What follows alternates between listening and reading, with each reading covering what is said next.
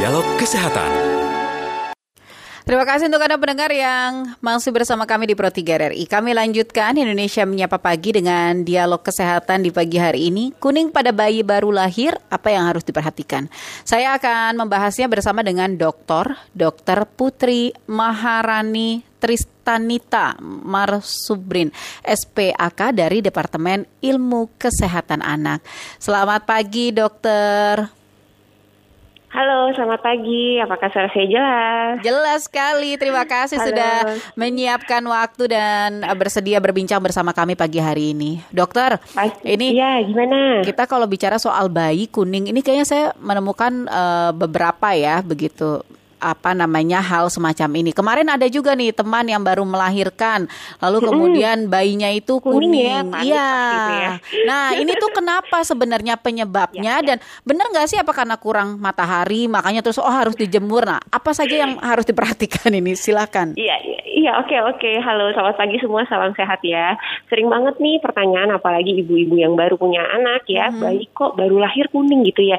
Nah, perlu kita ketahui bahwa 60% bayi baru lahir itu akan kuning ya. Jadi 60% bayi baru lahir yang cukup bulan dia akan kuning gitu ya. Kenapa bisa kuning gitu ya?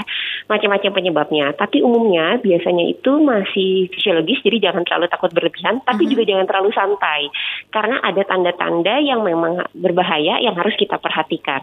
Kenapa sih seorang bayi bisa kuning ya? Jadi Mhm. kita tahu dulu kuning itu berasal dari zat yang namanya adalah bilirubin ya. Bilirubin itu dipecah dari sel darah merah yaitu adalah hemoglobin ya. Hemoglobin dipecah nanti hasil akhirnya bilirubin itu yang mewarnai di eh, kulit yang akhirnya terlihat kuning deh pada bayi baru lahir gitu ya. Mhm. Nah, kenapa bayi baru lahir eh, gampang kuning gitu ya? Karena memang pas awal jumlah eh, darah merahnya dia jumlahnya banyak gitu ya. Umur sel darah merahnya pendek, Mhm. jadi gampang pecah sehingga dia akan kuning. Yang kedua, memang asupan waktu saat di awal kehidupan belum banyak gitu ya. Sementara si bilirubin ini harus terikat gitu ya, harus Mhm. terikat nanti keluar lewat saluran cerna gitu ya, lewat Mhm, pupuknya mhm. kita gitu ya, hasil mhm. pecahannya supaya turun kuningnya. Tapi karena asupan di awal belum banyak dan memang lambung bayi masih kecil Iya, gitu ya, jadi mhm. memang sangat eh, alamiah sekali dia untuk kuning. Tapi Mhm. harus diperhatikan Mhm. mana-mana yang menjadi tanda bahayanya. Mungkin itu dulu ya kita Iya. diawalinya ya. Nah, berarti kan ini 60% sebenarnya ya kondisi seperti Iya, ini. Itu iya. kita kalau misalkan ini tandanya nih ya, tandanya ini warning nih, udah mulai ini sebenarnya Iya, bahaya nih berarti kuningnya bukan kuning Betul. yang biasa. Tanda-tandanya apa itu, Dokter? Oke, ada tandanya, ada tiga tanda tu-nya ya, Mhm. too early ya, Mhm. too early, too long, sama too high. Jadi too early artinya dia kuning, terlalu cepat gitu muncul kuningnya. Misalnya belum umurnya 24 jam. Contoh ya, misalnya lahir hari ini tanggal 13 April jam 8 pagi. Besok eh entar malam dia udah kuning nih. Nah, itu bukan sesuatu yang Wajar. eh, normal-normal Oh, lagi gitu. Itu oke. harus kita Hmm. perhatikan. Jadi too early dia muncul sebelum dia 24 jam. Too high, too high bilirubinnya tinggi banget. Hari ini misalnya diperiksa eh, hari ini misalnya diperiksa eh, eh, 12 gitu. Misal, misalnya saya hanya misal. Mhm. Ya. Besok diperiksa langsung lonjak drastis gitu ya, langsung lonjak drastis jadi 18 atau 20. Nah, itu itu udah bukan sesuatu yang oke-oke lagi, udah nggak bisa kita Mhm. anggap itu sebagai sesuatu yang normal. Atau tulong gitu ya, jadi dia lama sekali gitu. Jadi dia memanjang lebih dari dua minggu itu menjadi sesuatu bilir ke- eh, kondisi yang bukan lagi sesuatu yang normal. Oh. Nah, ditambah ada tanda-tanda lain yang harus menjadi perhatian. Misalnya bayinya ada pupnya yang warnanya pucat gitu ya, warnanya Mm. pucat gitu. Nah, itu menjadi perhatian. Misalnya dia eh, kuningnya lebih dari dua minggu, terus pupnya warnanya pucat dempul gitu, itu kita harus kontrol ke dokternya lebih lanjut gitu. Oke, nah ini benar nggak kalau misalkan yang disampaikan eh, saran ba- banyak orang gitu ya kalau Iya, ngeliat iya. bayinya kuning begitu kan, eh, itu kurang, iya itu kurang matahari, coba dijemur begitu. Saya bay- bayu apa apa baju apa bayi gitu kan harus dijemur. Nah tapi kalaupun memang itu benar secara ilmiahnya itu teknik menjemurnya harus bagaimana dokter? Bagaimana gitu ya? Iya. Oke, oke. Jadi kita tahu dulu sebenarnya kita pergi ke paparan sinar matahari itu sebenarnya utamanya untuk apa? Mm-mm. Untuk vitamin D ya. Mm-mm, untuk betul. vitamin D, Mm-mm. untuk daya tahan tubuh, untuk tulangnya ya. Tapi kita nggak bahas vitamin D hari ini. Iya, ya. betul. Ya. Oke. Nah, eh, bagaimana untuk sinar mataharinya gitu ya. Bisa nggak sih gitu ya? Secara nggak langsung agak susah karena dia butuh panjang gelombang tertentu. Oh, jadi kalau dia memang kuning dan terindikasi batas terapi sinar, jadi kita ada kurvanya khusus untuk menentukan seorang bayi ini batas terapi sinar atau enggak karena hari ke harinya dia akan berbeda batas eh, batas bilirubinnya. Kemudian adalah tergantung dari faktor resikonya dari bayi tersebut. Kalau faktor resikonya makin tinggi, kadarnya makin rendah gitu ya untuk batas terapi sinar. Nah, balik lagi ke si sinar matahari ini gitu ya. Kalau dia terindikasi terapi sinar, nggak cukup hanya dengan sinar matahari. Benar sih ada penelitian nih di Afrika sana gitu ya, di Afrika sana. Tapi itu membutuhkan waktu yang sangat lama Panjang. sekali, Oh, oke. panjang banget Iya. gitu ya. Dan belum direkomendasikan secara umum di sana karena memang sangat terbatas untuk penyediaan lampu terapi sinar gitu ya. Sementara kita di sini cukup banyak gitu lampu terapi Ya. sinarnya berada di mana pun dan masa iya kita mau jemurnya terlalu lama banget gitu kepanasan ya kali bayinya ya.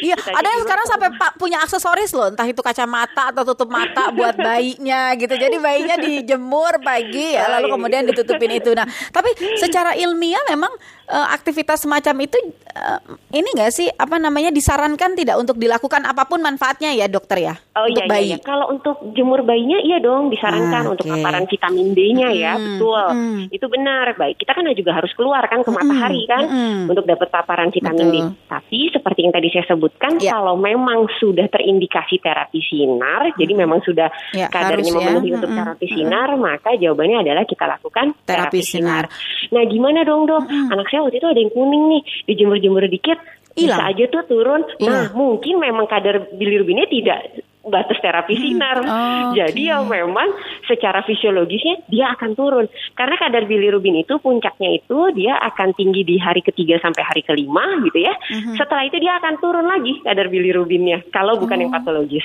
Oke, Gitu. jadi tetap ya terapi sinar ini tidak akan bisa digantikan dengan misalkan eh, paparan apa namanya sinar matahari ya, kalau langsung. Sudah terindikasi terapi Oh, sinar ya. heeh, heeh, heeh. Jadi harus tetap Iya. dilakukan. Nah, tapi begini dok, sebenarnya pengobatannya selain terapi sinar begitu, Ya. apa saja sih yang bisa dilakukan oleh orang tua begitu pada saat misalkan melihat nih ada nih indikasi tiga tanda ini begitu ya atau tadi Ya, tanda-tanda yang eh, dokter sebutkan begitu silakan. Iya, iya.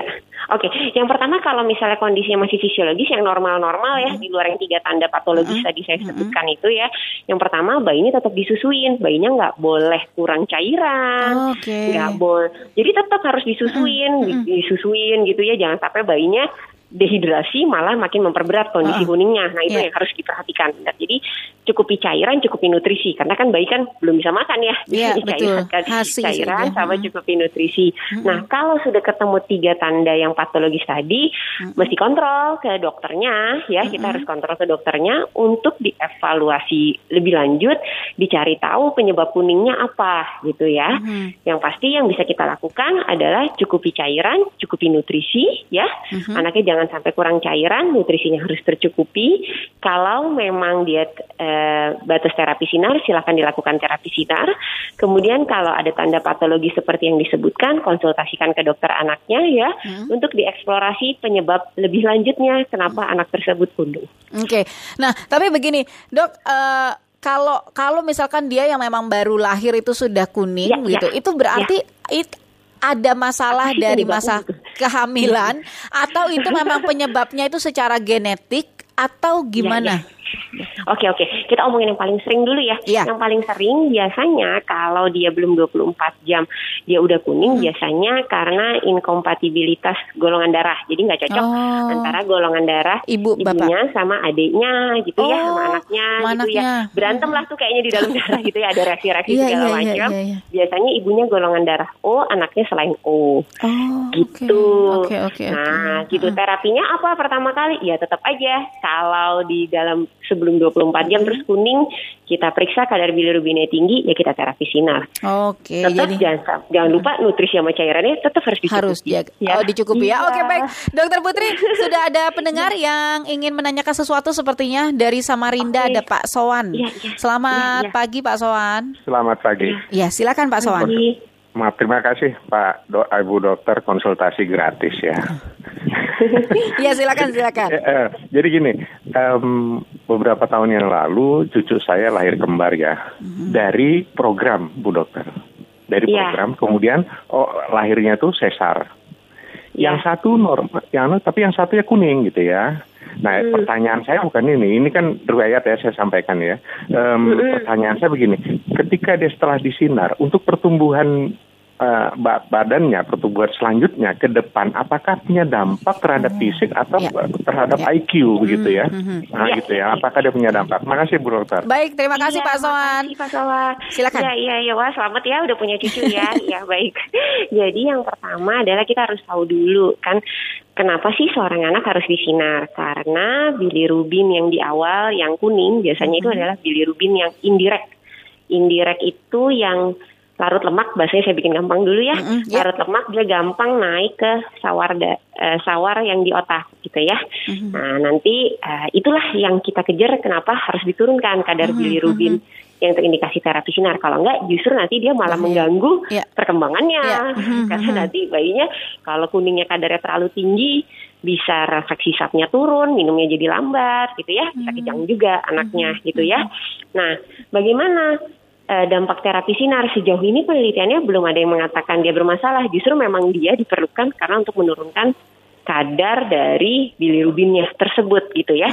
Jadi sejauh ini tidak ada masalah untuk anak-anak tersebut terkait uh, pertumbuhan perkembangannya. Karena kan memang anak tersebut saat di terapi sinar kita sudah memberikan perlindungan-perlindungan seperti matanya kita tutup ya, kita tutup tuh ada ada ada yang tadi dibilang kayak kacamata gitu ya. Iya. Itu ada tuh buat terapi sinar Ada memang tutup gitu ya. Ya, Bukan Iya. kacamata sih, ya pokoknya namanya buat eye protector lah ya, perlindung mata gitu kita Mm-mm, tutup supaya sama kayak kita kalau kena sinar langsung juga kan silau ya, Ya, sama lah juga anak kecil juga kayak gitu. Jadi sejauh ini penelitiannya belum ada tuh yang mengatakan dia akan berpengaruh segala macam untuk termasuk ke IQ. Karena seorang anak itu cerdas banyak sekali faktornya eh, termasuk nutrisi dan stimulasinya. Mungkin itu Oke. ada dibahas di sesi berikutnya ya. Iya, jadi itu Pak Soan ya, jangan khawatir. Insya Allah mudah-mudahan cucunya makin sehat, tidak ada dampak Iya, apa-apa. Begitu ya Dokter Iya. Putri ya. Tapi Iya, dokter, iya. ini setelah ini kita harus jeda dulu sejenak. Tapi setelah ini dok, saya masih punya pertanyaan untuk dokter. Begitu, asupan apa yang baik untuk para ibu, baik saat mereka masih mengandung atau setelah menyusui untuk mengantisipasi kondisi-kondisi seperti ini? Ya, Oke, dokter kita akan iya. bahas nanti selepas jeda jangan ke mana-mana. Untuk anda pendengar, selepas ini kami masih akan kembali dalam dialog layanan kesehatan di Pro 3 RRI. Kilas Berita.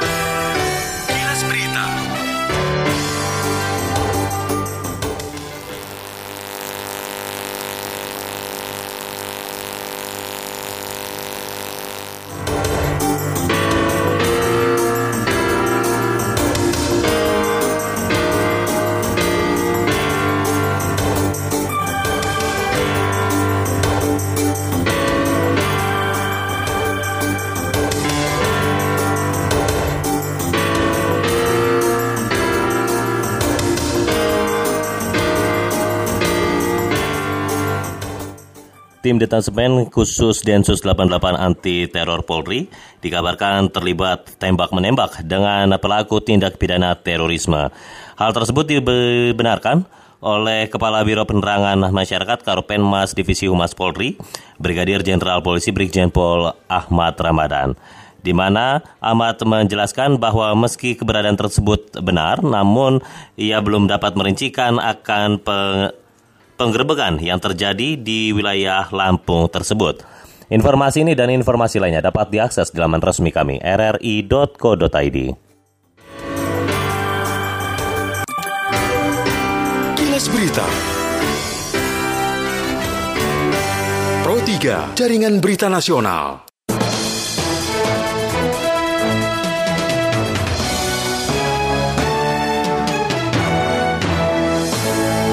3, Jaringan Berita Nasional. Ya, pendengar Anda masih menyimak dialog layanan kesehatan kerjasama FKUI dan RRI pagi hari ini. Kuning pada bayi baru lahir, apa yang harus diperhatikan? Saya tengah membahasnya bersama dengan dokter, Dr. Putri Maharani Tristanita Marsubrin, SPAK. Masih bersama kami ya Dokter Putri ya? Iya, masih, masih, masih. nah dokter, kita bahas ini dokter antisipasi atau begini, kalau eh, bicara soal asupan ya, nutrisi pada bayi itu kan berarti asalnya dari ibu. Begitu kan? Nah, jadi singkat saja Dokter Putri kira-kira asupan apa yang uh, baik dikonsumsi atau harus dikonsumsi oleh uh, para ibu baik yang hamil maupun menyusui agar menghindari hal-hal semacam ini? Silakan. Oke, baik. Uh, yang pertama yang saya informasikan terlebih dahulu, uh, kalau misalnya kita mau mencegah itu agak susah ya, tapi kita bisa membantu untuk menurunkan risikonya. Jadi makannya yang apa? Makannya ini sama seperti saat ibu-ibu hamil. Nah, yang harus perlu diingat adalah begitu bayinya lahir, jangan langsung turun makannya. Makannya harus sama seperti saat ibu lagi hamil karena saat ibu hamil ibu bawa janinnya ke mana-mana di dalam perut begitu dia lahir kan ibunya mau memberikan asi kan ya maka makanannya tersebut porsinya harus sama besar. Saya selalu mengingatkan adalah porsinya selalu harus sama besar gitu ya. Harus sama besar seperti saat dulu dia hamil gitu ya. E, harus terisi karbohidrat, protein, lemak lah sama seperti persis seperti saat hamil dengan volume minum yang cukup banyak gitu ya. Kita tahu kalau ibu hamil bisa sampai 3 liter gitu ya dia minum ya. Uh, eh sorry ibu menyusui dia bisa sampai 3 liter gitu ya. Jadi minumnya harus cukup. Yang kedua justru saya menurut saya lebih penting adalah uh, jangan stres dulu gitu ya. Aduh asi saya macet, asi saya macet gitu ya. Karena kenapa? Karena kan kita pengennya juga asinya cukup gitu kan ya. Tenang saja, di awal-awal kehidupan, asi itu pasti nggak langsung banjir keluarnya ya. Pelan-pelan dengan pasti dia biasanya akan keluar, biasanya di tiga hari tuh yeah. baru deh asinya tuh akan banyak sekali. Hmm. Jadi kuncinya adalah santai, rileks, tenang gitu ya, yakin yeah. gitu ya, percaya asinya keluar, insya Allah asinya akan keluar gitu ya. Yeah. Nah makanan khususnya nggak ada sebenarnya makanan khusus, tapi yang tadi saya bilang dijaga karbohidrat, protein, lemaknya cukup banyak dan saya selalu anjurkan untuk protein hewan jangan lupa untuk selalu dimakan setiap hari ya. Okay. Protein hewan tuh penting banget ya buat dimakan gitu ya. Oke. Okay. Baik, uh, dokter terima kasih dokter Putri sudah berbincang bersama ya. kami pagi hari ini dokter. Sehat selalu dokter ya. Iya, sehat-sehat. Terima kasih ya sudah mau mendengarkan. Semoga semua sehat dan bayi-bayi kita sehat semuanya. Selamat pagi. Okay. Pagi. Demikian mendengar dialog layanan kesehatan kita pagi hari ini.